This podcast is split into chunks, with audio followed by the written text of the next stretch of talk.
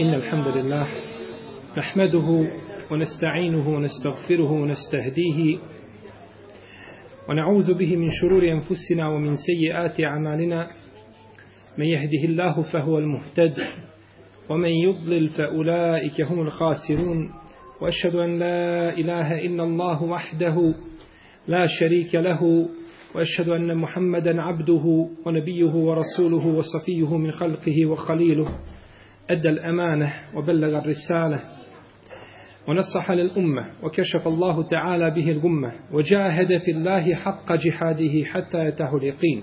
يا أيها الذين آمنوا اتقوا الله حق تقاته ولا تموتن إلا وأنتم مسلمون. يا أيها الناس اتقوا ربكم الذي خلقكم من نفس واحدة وخلق منها زوجها وبث منهما رجالا كثيرا ونساء واتقوا الله الذي تساءلون به والأرحام إن الله كان عليكم رقيبا. يا أيها الذين آمنوا اتقوا الله وقولوا قولا سديدا. يصلح لكم أعمالكم ويغفر لكم ذنوبكم ومن يطع الله ورسوله فقد فاز فوزا عظيما. أما بعد فإن أصدق الكلام كلام الله تعالى وخير الهدي هدي محمد صلى الله عليه وسلم وشر الأمور محدثاتها وكل محدثة بدعة كل بدعة ضلالة. وكل ضلالة في النار ثم أما بعد Nema sumnje, draga braće i poštovane sestre, da su najbolji Allahovi tebarake od tala robovi koje je stvorio poslanici i vjerovjesnici. I to je činjenica i predmet jednoglasnog stava među islamskim učenjacima. A najbolji ljudi nakon Allahovih poslanika jesu nasljednici Allahovih vjerovjesnika, a to su islamski, a to su islamski učenjaci. Pa su učenjaci kao zvijezde koje sijaju na ovoj, na ovoj zemlji. Ovaj dunjaluk nema nikakve vrijednosti kako je rekao poslanik sallallahu alejhi ve selleme osim da čovjek bude u jednoj od tri grupe ili u jednoj od tri skupine ako bude četvrta propao je kaže rasulullah sallallahu alejhi ve selleme u hadisu koga bilježi Tirmizi i Ibnu Mađe od Ebu Hurajre radijallahu anhu ed dunja mel'una mel'unun ma fiha illa zikra Allah wa ma wala wa aliman au muta'alliman. Dunjaluk je sav proklet i sve što je na Dunjaluku je prokleto osim troje. Zikrullah, spominjanje Allaha te barake o teala. Uoma wala i ono sve što ulazi i što se tretira spominjanjem Allaha te barake o teala kao doa, kao učenje Kur'ana i slično tome, kao ibadeti. U alimen ili da budeš učen pa da ljude pozivaš tome znanju, evo mu te alimen ili da budeš čovjek koji stiče znanje i koji se poučava znanju. Ako si četvrta kategorija, mimo ove tri, propao si. Znači da čovjek bude ili pobožnjak, ili da bude učenjak, ili da bude učenik. Sve mimo toga ne vrijedi. Pa su islamski učenjaci kao zvijezde na nebesima koje sijeju nama tako i oni sijeju bez sumnje stanovnicima nebesa. Pa ako su islamski učenjaci zvijezde, nema sumnje da je među njima imam Buharija mjesec. Zbog odlike koju i ugleda, koga uživa imam Buharija u ovome, u ovome umetu. Mi smo u našem prošlom druženju govorili nešto o istoriji imama Buharije, odnosno o njegovoj biografiji, o njegovim odlikama, pa ćemo inša Allah ta'ala i ovome našem druženju nastaviti govoriti o ovome velikanu, da vidimo znači njegove odlike i vrline koje su zabilježene u knjigama koje govore o biografijama islamskih učenjaka. Spominjali smo na našem zadnjem predavanju da su imama Buhariju pohvalili mnogi njegovi učitelji i kazali smo da može pohvaliti učitelj, da može pohvaliti učenik učitelja i to se često dešava i dužnost mu je da mu zahvali i da ga pohvali. No međutim da učitelj pohvali učenika to je nešto što nije običajno i što se, i što se nerijetko dešava. Brojni učitelji ili šehovi imama Buharije pohvalili su imama Buhariju. Pohvalio ga između ostalih Kutejbe ibn Sa'id, koji je rekao, sjedio sam sa pravnicima islamskim i sjedio sam sa zahidima i pobožnjacima. Fema raitu munzu akaltu misle Muhammed ibn Ismail u ohuve fi zemenihi ke omara fi sahabe. Kaže, sjedio sam sa učenim i pobožnim i bogobojaznima, pa nisam nikada vidio čovjeka poput Muhameda ibn Ismaila, to jeste Buharije. On je, kaže, u svoje vrijeme bio kao što je Omer bio među ashabima. Znači, šta Omer radijallahu anhu predstavlja u krugu ashaba, to Buharija predstavlja među ulemom u svoje vrijeme. I kaže, Kutejbe ibn Sa'id, لو كان محمد بن إسماعيل في الصحابة لكان آية rekao je izreku koju nikada nisam čuo, niti sam negdje pročitao, da je neko pohvalio nekog učenjaka na ovakav način. Pa kaže Kutejb ibn Sa'id da je Muhammed ibn Ismail živio među ashabima bio bi ajet. Da je bio među ashabima bio bi čudo. Pa šta mislite onda šta je Imam Buharija bio u svoje vrijeme? Kada nije bilo ashaba. Ako bi među ashabima predstavljao čudo i dokaz Allahov te barak je ta'ala protiv, protiv čovječanstva. I kada jedne prilike u tebe ima Sa'id upitan o razvodu braka koga da čovjek dok je pijan. Da li takav se razvod braka smatra validnim ili ne? U tom momentu kada mu je postavljeno to pitanje, na vrata je ušao imam Buharija. Pa je rekao, evo vam Ahmeda ibn Hanbala i evo vam Ishaqa ibn Rahawaja i evo vam Alija ibn Al-Medinija. Allah vam je, kaže, objedinio ovu trojicu jednom čovjeku. Evo vam Buharija, neka vam odgovori. Pa je znači smatrao da imam Buharija objedinio tri najveća učenjaka koji su bili u stvari šehovi imama, šehovi imama, imama Buharije.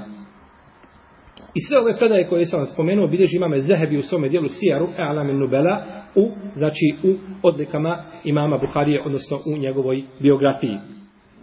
Muhammed ibn Bešar, poznat kao Bundar, to mu je nadimak Bundar, pa kaže, Ibn Hibban, pričao mi je Ibn Huzeyme od Bundara. Kaže, imam Tirmizi, pričao mi je Bundar.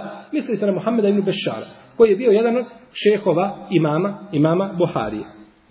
Kaže, Muhammed ibn Ismail epkahu halki Allahi fi zamanina. Muhammed ibn Ismail je, kaže, najučeniji, misli se na Buhariju. Kada kažemo Muhammed ibn Ismail, to je imam Buharija.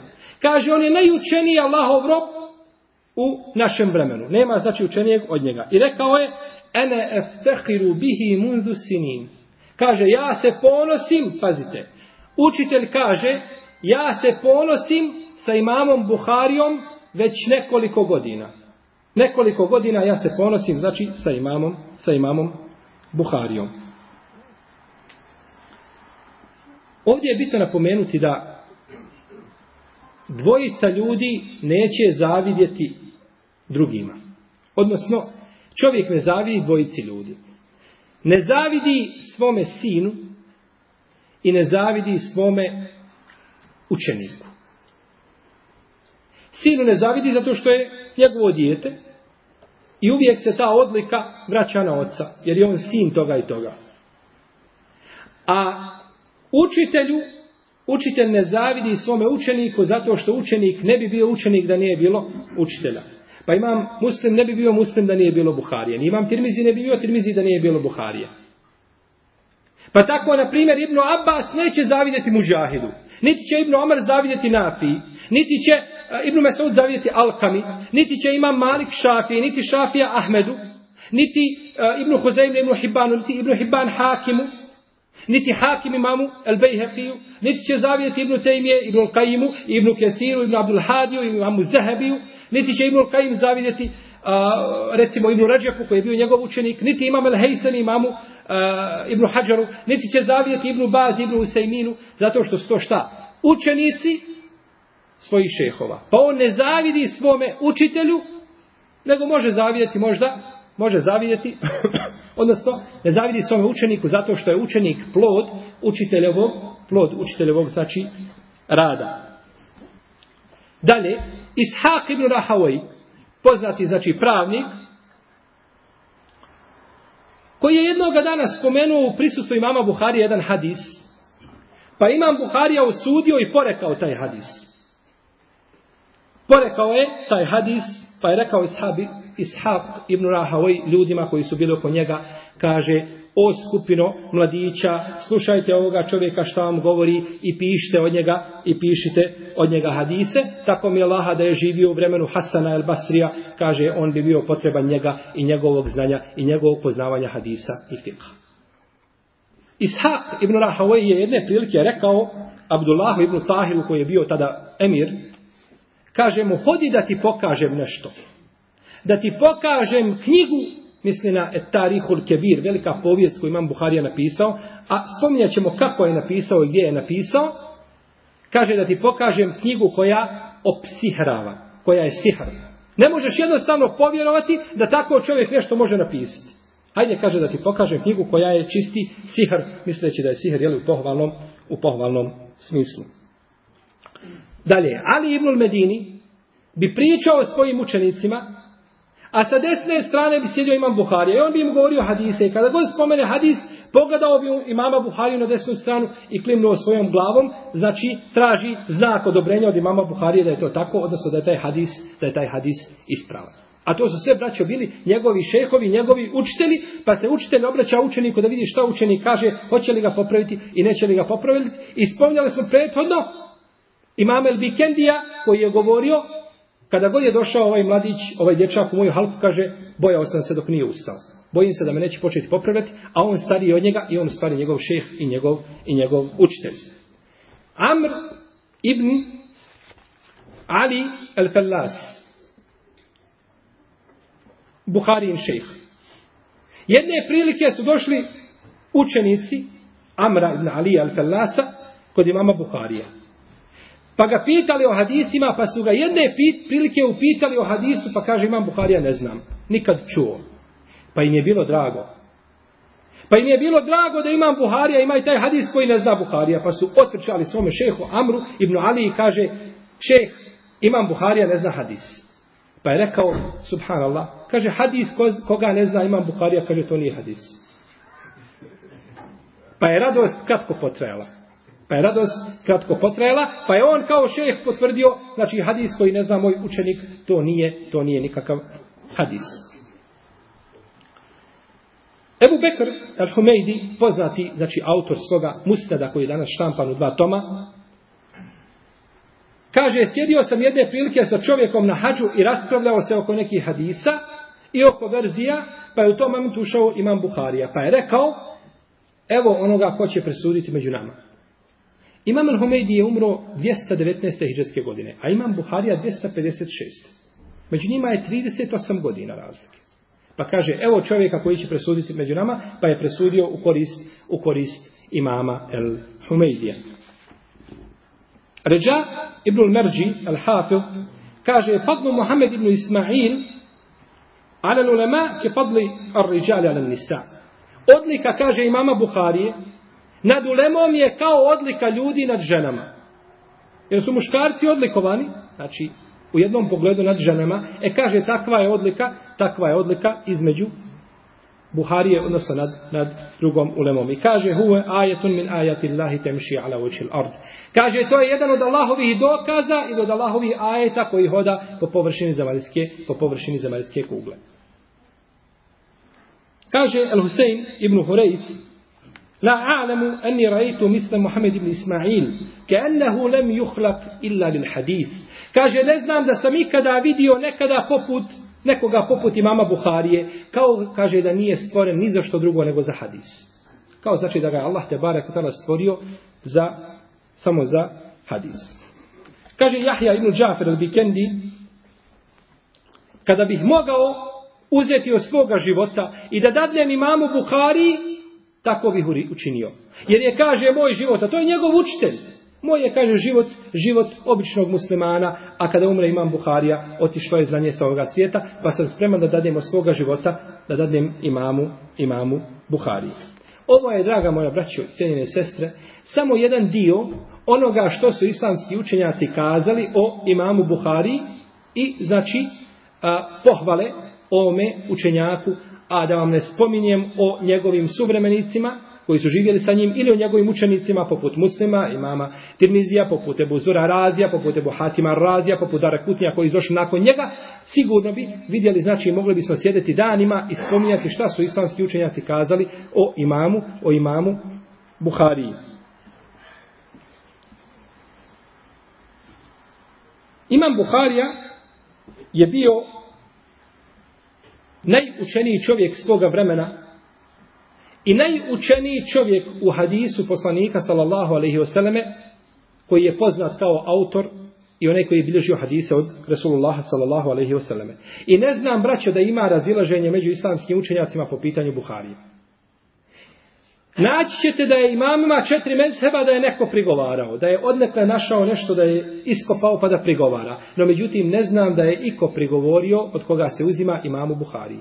Što ukazuje da je uzvišeni Allah te barak je o teala odabrao imama Buhariju kao ličnost i pripremio ga za misiju koja je bila pred njim. I da tu misiju koju radio imam Buharija, vidjet ćete kroz dalji tekst, i kroz glavni govor o imamu Buhari nije mogao uraditi niko drugi do on. I da to, nije, da to nije bilo slučajno, nego je da je tačno uzvišen Allah te barak dala odabrao čovjeka koji će štititi sunnet poslanika sallallahu alejhi i vidjet ćete kada budemo govorili o njegovom sahihu i povodu zašto je počeo pisati svoj sahih u narednim predavanjima, inshallah taala, biće vam jasno da je imam Buharija poput nešto poput Mehdije. Čovjek inshallah taala određen od Allaha te barak je taala da obavi misiju koju je obavio inshallah taala na najpotpuniji naj, najpotpuniji način. Kaže Hašid ibn Ismail Rekli smo, bili smo sa Buharijom, išli od šeha do šeha i pisali hadise. A on nije pisao. Mi pišemo, on sjedi, pa smo mu nakon nekoliko dana počeli prigovarati. Zašto ne pišeš, zašto ne pišeš, kaže, pa smo mu tako prigovarali 16 dana. Pa je rekao, kaže, više ste mi dosadili. Dajte, kaže, izvedite svoje knjige što ste zapisali. Pa smo, kaže, izvedili svoje knjige, pa je počeo pričati iz pamćenja. Pa je spomenuo 15.000 hadisa sa lancima prenosilaca, Kaže, pa smo počeli popravljati ono što smo pisali, gdje smo greške pravili u pisanju, mi popravljamo po našim knjigama, a on iz pamćenja to, on iz pamćenja popravlja naše knjige. 15.000 hadisa spomene i oni uzimaju, znači i popravljaju ono što su pisali i gdje su greške i gdje su greške pravili. Bileži imam Ezehebi u svom dijelu Sijar i bileži imam Al-Khatib al-Bagdadi u svojoj povijesti, povijesti grada Bagdada, da imam Buharija rekao, zapisao sam od hiljadu šehova hadise. A od svakog šeha deset hiljada hadisa. Koliko je to hadisa? Deset miliona, tako. Deset miliona hadisa. Kaže, nema ni jednog lanca prenosilaca da ga ne znam. Nema ni jednog lanca prenosilaca, a da ga ne znam. I ovo je sigurno, kad se kaže deset miliona, misli se sa ponavljanjem, znači sa različitim lancima prenosilaca. Sa ponavljanjem, znači, sa ponavljanjem tih, tih lanaca. Ja vas neću koriti ako ovo ne povjerujete. Neću vas koriti zato što je zaista ovu stvar teško povjerovati. Mi danas živimo u svijetu kompjutora i u svijetu napretka e, elektronskog i tako dalje, pa je teško ove stvari da popamtite i često i, i ona ona fest plata i ona pregori od, od opterećenja i tako dalje, no međutim imam, e, Buharina fest plata je ostala dok nije se vratio svome gospodaru Tevara Kvetama. Svi smo je koristili i dan danas ubiremo plodove i pamćenja i hipsa imama, imama Buharije Rahimehullahu Teala. Spominje imam Zehebi, imam e, Ibn Halikan u svom dijelu Ofejatu Le'ajan, i spominju drugi poput Al-Hatib al-Bagdadi u svojoj povijesti, da jedne prilike imam Buharija došao u Bagdad.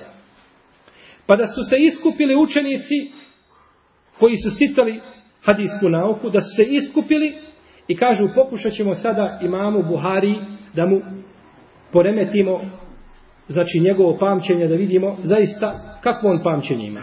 Pa su uzeli, došlo je deset ljudi i uzeli su stotinu hadisa pa su ispreturali lance prenosilaca i tekstove hadisa. Pa bi hadis Ebu Hureyre stavili na hadis Ibn Omara, a hadis Abdullah ibn Amra ibn Lasa stavili uh, u hadis Enesa i tako dalje, pa su spominjali, svaki spomene deset hadisa, imam Buharija viće nikad čuo, nikad čuo. Tako dok nisu svi završili stotnju hadisa, imam Buharija kaže nikad čuo. A tu sjede ljudi fakih, tu sjede učeni. Kažu, subhanallah, ovo taj Buharija o kome se priča da je on učen, da je takav, da je takav. Kaže imam Buharija, kad, je svi, kad su svi završili, kaže, nikad čuo za te hadise nisam. Ja sam za te hadise čuo u ovome. Slušaj ti prvi. Prvi hadis koji spomenuo nije tako, nego je ovako. Drugi hadis koji spomenuo nije tako, nego je ovako. Treći hadis, pa bi prešao drugom, pa trećem tako sve deset dok nije stotinu hadisa, vratio svaki hadis njegovom lancu prenosilaca i svaki lanac prenosilaca vratio njegovom hadisu. Pa su znači svi prisutni tu posvjedočili da je imam Buharija, imam znači za hips, a navodi se jedne prilike da došao u Samrakand i da su mu ispreturali lanac prenosilata iz Šama u Egipat. Iz Egipta u Jemen, iz Hidžaza u Horasan, iz Kufe u Basru. Pa su mu sve to poremetili, pa je nakon toga opet uzeo sve te lance prenosilaca, znači vratio, vratio na njihova mjesta, pa su znači svi prisutni posvjedočili imamu Buhariji i njegovom, i njegovom hipsu. Kaže imam Buharija, sjedio sam jednoga dana i razmišljao o Enesu ibn Maliku. I razmišljao o ljudima koji prenose hadise od Enesa ibn Malika. Znači tabini koji prenose hadise od Enesa ibn Malika. Kaže, pa sam se onako, kaže, na brzinu sjetio 300 ljudi. Sjetio se imene, imena 300 ljudi koji prenose hadise od koga? Od Enesa ibn Malika. Koga bi se mi mogli sjetiti od skupine poznih tabina? Možda Hasan el Basri, možda Katade, možda Sulejmane Tejmi, možda Ibn Sirin, možda Šabi, možda Abdullah ibn Bekr al-Muzani. Koliko se možemo sjetiti tih tabina da kažemo oni su iz male koji prenose danas Ibn Malika? I da uzmemo knjige i da se knjigama služimo, možda ćemo naći 50 ili 100. A možda nećemo naći 300 ljudi koji imam Buharija, koji imam Buharija poznavao. I došlo je od imama Buharije u mutevatir predajama da je govorio pamtim sto hiljada vjerodostojnih i dvijesta hiljada nevjerodostojnih hadisa. Kao hadisi. A ono kada je spomenuto 10 miliona, vjerojatno se radi o ponavljanju ili o različitim lancima prenosilaca, što je poznato, znači, bilo u hadijskoj nauci i kod, i kod hadijskih stručnjaka. Kaže Ebu Bekr El-Kelovazani, Nisam, kaže, nikada nikoga vidio kao i mama Buhariju. Kaže, uzeo bi ponekad knjigu od nekog učenjaka koji piše hadise i kaže, samo bi je prelistao, onako list po list prevrtao i kaže, nakon što završi sa listanjem knjige, kaže, zapamtio većinu onoga što je u toj knjizi. Znači, gdje baci oko, to se više ne briše. To ostaje zapečećeno. Znači, takav je, takvo je pamćenje imao imam, imam Buharija. I ovo je, braćo, sve među ulemom, u vremenu kada je bio ilum raširen, kada je u svakom gradu bilo hiljade učenjaka, Lahko je biti učen među neukim ljudima. Tada je lahko doći do izražaja i pokazati svoje znanje i pokazati ovaj a, svoj um i, i svoj hips i tako dalje. No međutim, teško je to pokazati znači u društvu gdje borave učen ljudi i gdje borave znači ulema koja je bila a, prisutna u vrijeme imama, u vrijeme imama Buharije. Imam Buharija kao i drugi imaju svoja putovanja koji su putovali znači tražeći znanje. I putovanja koja su poznata u potrazi za znanjem kod hadijskih stručnjaka, ni 10% nisu poznati, ni kod fakiha, ni kod mufesira, ni kod učenjaka jezika, ni kod istoričara, ni kod koga do, do muhadisa. Jer si mogao fik naučiti o svome mesebu i drugim mesebima u mjestu gdje se nalaziš da ne izlaziš nikuda. Ali hadis nisi mogao, jer dio hadisa ima u Šamu, dio hadisa ima u Jemenu, dio hadisa ima tamo, dio hadisa ima na drugom mjestu, pa moraš znači obići sve cjelokupnu zemlju ili to e, poznata, znači tam mjesta i centre naučne koji su bili u to vrijeme da bi došao, da bi došao znači do a, potrebnog, do potrebnog znanja. Pa su na tom putu izlagali se smrću. Znači da im je smrt prijetila. A što se tiče gladi, da ostane bez opskrbe, bez para, bez odjeće, to je kod njemu tevatir. Ne znam da je od njih čovjek bio da ga to nije zadesilo. Da nije, znači, upao u musibete, čak je imam Buharija dolazi u situaciju da je morao jesti travu, a i lišće, iako je, iako je mu je otac ostavio milion dirhema i sve to utrošio na Allahovom putu, te barak potala stičući, stičući znanje. I kada vidimo znači ovu činjenicu i trud koji su ulagali islamski učenjaci. I onda vidimo danas ljude koji kažu kada mu spomeneš hadis kod Buharije kaže taj mi hadis kosi mi se sa razumom. Taj, taj mu se hadis kosi sa razumom. Ja vjerujem da mu se kosi sa razumom sa truhlim razumom se moraju koristiti hadi, kosti hadisi poslanika da je zdrav razum ne bi se sigurno kostili ti hadisi nego bi čovjek priznao i potvrdio ispravnost a, hadisa koga je potvrdila znači cjelokupna ulema i svi islamski učenjaci kroz, kroz stoljeća. Pa tako su islamski učenjaci putovali ponekad prelazili velike razdaline da bi čuli samo jedan hadis. Ili da bi čuli jednu riječ iz hadisa ili jedno slovo da potvrde da li je greška ili da li, da li nije greška. Kao što je došao Jahja ibn Ma'in, došao je kod Apana ibn muslima, pa ga je pitao o hadisima koji prenosi od Hamada ibn Seleme. Pa kaže, jesi li od koga ču, drugog čuo te hadise? Kaže, čuo sam od 17 ljudi, ali hoću od još da čuje. Da se, da se potvrdi šta je pa ga je istirao, nije mu htio pričati, pa je otišao nakon toga u Basru da čuje od drugih, da čuje od drugih iste, iste hadise. Prvi ko je putovao, za, na, uh, isticao znanje na tome putu je bio Musa a.s. To je što znamo, da je prvi Musa a.s. koji je izišao u Hadiru a.s. Moglo bi se kazati za Adem a.s sa melekima, no međutim, ispravnije klasično sticanje znanja, prvi koji je krenuo u potrebu znanja, bio je Musa a.s. sa Hadirom i o tome smo opširno pričali u pet dijelova, znači imaju predavanja o Musau i Hadiru a.s. Džabir ibn Abdillah, kako bilježi imam Ahmed, imam Buhari u svome dijelu uh, Ledebul Mufred, sa dobrim lancem prenosilaca, je jedne prilike čuo hadis da je poslanik sa osam rekao od Abdullaha ibn Uneisa. Abdullah ibn Unais je bio u Šamu. Samo je hadis od njega došao. Pa je uzeo, kupio sebi devu, posebno devu kupio, uzjahao i otišao iz Medine u Šam. To vam je mjesec dana putovanja, pa i dva mjeseca kroz pustinju. A dva mjeseca punog putovanja kroz pustinju, da bi došao do Abdullaha ibn Unaisa Pa kada je čuo da je došao Abdul, Džabir ibn Abdullah, izišao na polje, zagrlio ga, kaže mu, došao sam da te pitam za hadis, bojeći se, kaže, da ja ne preselim ili da ti ne preseliš, a ja nisam još hadis čuo. Tako mi je Allaha, jesi li čuo od poslanika, sa osvijem, da je rekao, bit će ljudi proživljeni na sudnjem danu, goli i neobrezani, neće ništa sa sobom imati. Pa će uzvišeni Allah te barak je od tala dozvati glasom koga će čuti ljudi koji su dalje i koji su bliže. Pa će kazati, Ja sam Enel Melik, ja sam vladar. Nema ni jednog stanovnika dženneta da će ući u džennet, a džehennemlija od njega traži svoje pravo. I nema ni jednog stanovnika džehennema da će ući u džehennem, a dženetlija od njega traži svoje pravo.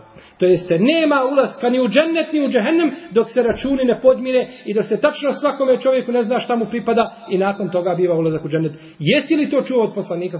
Kaže, jesi. Došao iz Medine, braće u Šam, radi jednog hadisa na devi, kroz pustinju, gdje vlada opasnost smrti, gladi i drugim musibeta. Ja sada pitam sebe i vas, kada bi nama neko kazao, idi upali svoj auto i odi u centar grada, za deset minuta ćeš doći i čućeš tamo jedan hadis od poslanika, salao sveme, koga nisi čuo, i vrati se kući. Našli bismo sto i jedno opravdanje da ne idemo. Čuću ja to i kasnije, pa pročitaću negdje, pa subhanallah. Pa nije znanje sve u tome hadisu, ima i drugi hadisa, jel? Našli bi mi sebi opravdanja. Džabir radijallahu nije rekao, po dobro, ja sam bio uz poslanika, sallam, jedan od najbliži, jedan od najviše što prenosi hadise od onih devet od poslanika, sallallahu alaihi selleme, pa možda sam ja čuo taj hadis, zašto ja moram ići provjeravati? Ili možda ga je čuo neko drugi od ashaba pa da ga čujem, ne, nego kada je čuo, odmah je otišao, znači i provjerio, i provjerio vjerostojnost tog, tog hadisa. Kako bideži imam hakim sa lancem za koga imam, kaže imam hakim i zehebi, da je vjerodostojan i imam darimi i bideži imam fesevu u svome djelu al-marife a, i tabarani od e, Sa'ida ibn Džubeira da je rekao kada je preselio poslanik sallallahu alaihi selleme, došao Ibn Abbas kod jednog ensarije pa mu rekao evo kaže ashaba poslanika sallallahu alaihi selleme među nama hajmo sticati znanje hajmo učiti nauku. Pa je rekao, jesi čudan Ibn Abbas? Ti misliš da će ljudi biti potrebni tvome znanju? Pogledaj među tebe Ebu Bekr, Omar, Osman, Ali, Muavija. Pogledaj me, to su uh, prvaci muhađira prisutni. I ti misliš da će ljudi jednog dana doći i obratiti s tebi da uče od tebe. Pusti to Ibn Abbas. Jeli, hoćemo kazati, nemoj se zanijeti, pa misliti da se neko je nešto. Ima među, među asaba učenik. Pa ga Ibn Abbas ostavio, pa potišao učiti. Pa bi došao kod ashaba ispred vrata i sjedio da ova iziđe. Ne bi kucao, nego sjedi i čeka da iziđe, da ga upita hadis. Da ga upita jedan hadis od poslanika sallallahu alaihi wasallame. Pa bi ga zamela, e, zameo bi ga onaj pustinski pjesak. Pa bi izišao ashab pa ga vidi pa kaže Amidžiću poslanika sallallahu alejhi ve selleme zašto nisi kazao da ti ja dođem? Ti si amidžić poslanika sallallahu alejhi ve selleme i ti si od ehlul bejta. Kaže mene ja sam preči da tebi dođe ja stičem znanje. Reci mi kaže jesi li čuo to i to od poslanika sallallahu alejhi ve selleme pa je sticao znanje pa je nakon toga se ljudi okupilo oko Ibn Abbasa pa je izdavao fetve pa kaže ovaj ensarija kaže kako je Ibn Abbas bio pametan dječak? A kako ga nisam poslušao? Kako ga nisam kako ga nisam poslušao? I ovi ljudi su izlazili da traže nauku. Da nama čuvaju vjeru. Nisu izašli braćo radi Dunjaluka. Otišli negdje daleko da žive radi Dunjaluka. Nego su otišli da daleko radi vjere i radi dina da uče da se poučavaju. I da je ova generacija, ne daj Bože, a kojim slučajem, podbacila i da nije obavila misiju svoju, Allah zna šta bilo sa islamom. Samo da ova generacija nije ostala čvrsta. Kao da Allah te barakal nije sačuvao učesnike bedra na dan bedra. Šta bilo sa islamom? Allah zna. E tako isto i u ovo vrijeme. Da je ova generacija znači samo podbacila i da nije uradila ono što je trebala da uradi, Allah zna koliko bi danas sunneta bilo zapostavljeno, odnosno bilo bi izgubljeno i ne bismo od toga, ne bismo od toga ništa imali. Spominje Ibn Džauzi u svome dijelu Menakibu, ali imam Ahmed, u odlikama imama Ahmeda, kaže, rekao je imam Ahmed, ja sam odlazio u potrazi za znanjem u Maroko, i u Alžir, i u Meku, i u Medinu, i u Hidžaz, i u Jemen, i u Kufu, i u Irak, i u Paris, i u Khorasan, pa sam se vratio u Bagdad. Znači, gdje je god centar bio u to vrijeme, centar koji je bio centar za znanje, on je, on je izišao. Jedne prilike je krenuo u Jemen, kod Abdurazaka i Sananija, poznatog islamskog učenjaka, da sluša hadis on i Jahja ibn Ma'in. Pa su došli u Meku i našli Abdurazaka da tavafi oko Kjabe. Pa kaže Jahja ibn Ma'in, kaže imamo Ahmedu, kaže raduj se, kaže skratio nam se put. Za trećinu otprilike. Znači neki hiljadu kilometara skraćen put kroz pustinju. Skraćen put, pa kaže mu Ahmed ibn Hanbel, tako mi Allaha kaže, ja sam izišao iz Irak, iz Bagdada, sa nijetom da slušam hadise u Sana'a. Sana'a to je grad u Jemenu. Tamo kaže da slušam hadise, a nisam u Mekke. Kaže, neću pristati, nego hoću da idem dole da slušam. Pa je otišao u Jemen i ostao dvije godine slušajući hadise pred Abdurrazakom, Esana'anijem, da je Allah zadovoljen sa njima svima. Jedne prilike Abdul Kadir al-Džilani došao u Bagdad, pa mu je nestalo obskrbe. Tražio je, znači, da jede, nigdje ništa nije mogao naći, pa je ušao u jednu džamiju, kaže, nako tužan i izmoren sam ušao u džamiju, sjeo. Kaže, kada sam sjeo, došao jedan dječak i stavio ispred sebe, znači, platno, i stavio tu, kaže, svjež kruh, svjež hleb, i kaže, prženo meso. I jede ispred mene. Kaže, kada god ponese zalogaj prema svojim ustima, kaže, ja otvorim usta. Ne može srp, nego on otvori svoja usta kao da je on polio taj zalogaj. Pa kaže kada me je vidio ovaj, kaže, bismillah, bismillah, kaže, burim, hajde jedi sa mnom. Kaže, neću. Kaže, hoćeš tako mi Allaha. Kaže, pa me je zakleo Allahom dva ili tri puta, kaže, pa sam prišao da jedem. Pa me upitao, kaže, znaš li ti onoga mladića iz Džilana, ime mu je Abdul Kadir. Pa kaže, ja sam Abdul Kadir. Kaže, pa čovjek pocrveni. Pa čovjek pocrveni. Kaže mu, šta je? Kaže, vidi, kaže, tvoja je majka tebi poslala 8 dinara. Po meni, ja sam trebao prijeti 8 dinara. Kaže, pa sam došao u Bagdad. Prevrnuo sam sve kante za smeće. Nigdje ništa našao nisam, nemam šta jesti. Kaže, pa sam ošao i kupio se ovo da jedem. Pa, pa je znači jeo od njegovih para, pa je došao Abdul Kadir, pa mu se pridružio, pa je jeo znači od imetka, od imetka svoje, svoje majke. Isto tako, Bekiju ibn Muhallad, koji je izišao, znači koji je prenosi Musannet ibn Abi Šejbe, i on je prvi koji je taj Musannet prenio u e, uh, Lendelus, on je izlazio u, znači na put da stiče nauku. I bio je na putu 34 godine. Za 34 godine nikada nije uzjahao jahalice. Došao je iz Endelusa u Bagdad. To vam je, braćo, možda neki 5000 km pješice. Kroz pustinju. Prelazeći i, i Alžir, i Libiju, i današnju, jeli, i e, Egipat, i dolazeći onda u Šam, pa tek onda i Šama za Bagdad, nikada nije ništa uzjahao. 34 godine je proveo na putu sticanja znanja i kada je došao u Bagdad imamu Ahmedu, kažu imamu Ahmedu je zabranjeno da drži predavanje. Došao je, znači, da vidi imama Ahmeda, da uzme od njega znanje, kažu, nema imamu Ahmedu je zabranjeno kada je bila ona fitna sparanja Kur'ana, o čemu ćemo govoriti isto tako u narednom predavanju, jer imam Buharija vezan za tu fitnu i vidjet ćemo njegov stav kako se je ponio, znači, u to vrijeme. Rečeno mu je, imamu Buhariji su zabranjena predavanja. Pa se ražalostio. Dolazio u halke drugi učenjaka, no međutim nema, oprostite, rečeno imamu Ahmedu su zabranjena predavanja. Pa, še, pa se ražalostio Bakija ibn Mahled. Učio je kod drugi, ali hoće on imama Ahmeda. Pa je dogovorio sa imamom Ahmedom da svaki dan dođe kao da prosi. Pa bi mu imam Ahmed otvorio vrata i dok bi mu vadio da mu dadne dirhem, kazao bi mu jedan hadis sa lance prenosilaca i zatvorio vrata. Pa je tako učio za nje. Svaki dan otvori vrata, stavi mu dirhem i kaže mu hadis i ovaj ode sa hadisom i tako bi sticao, sticao nauku.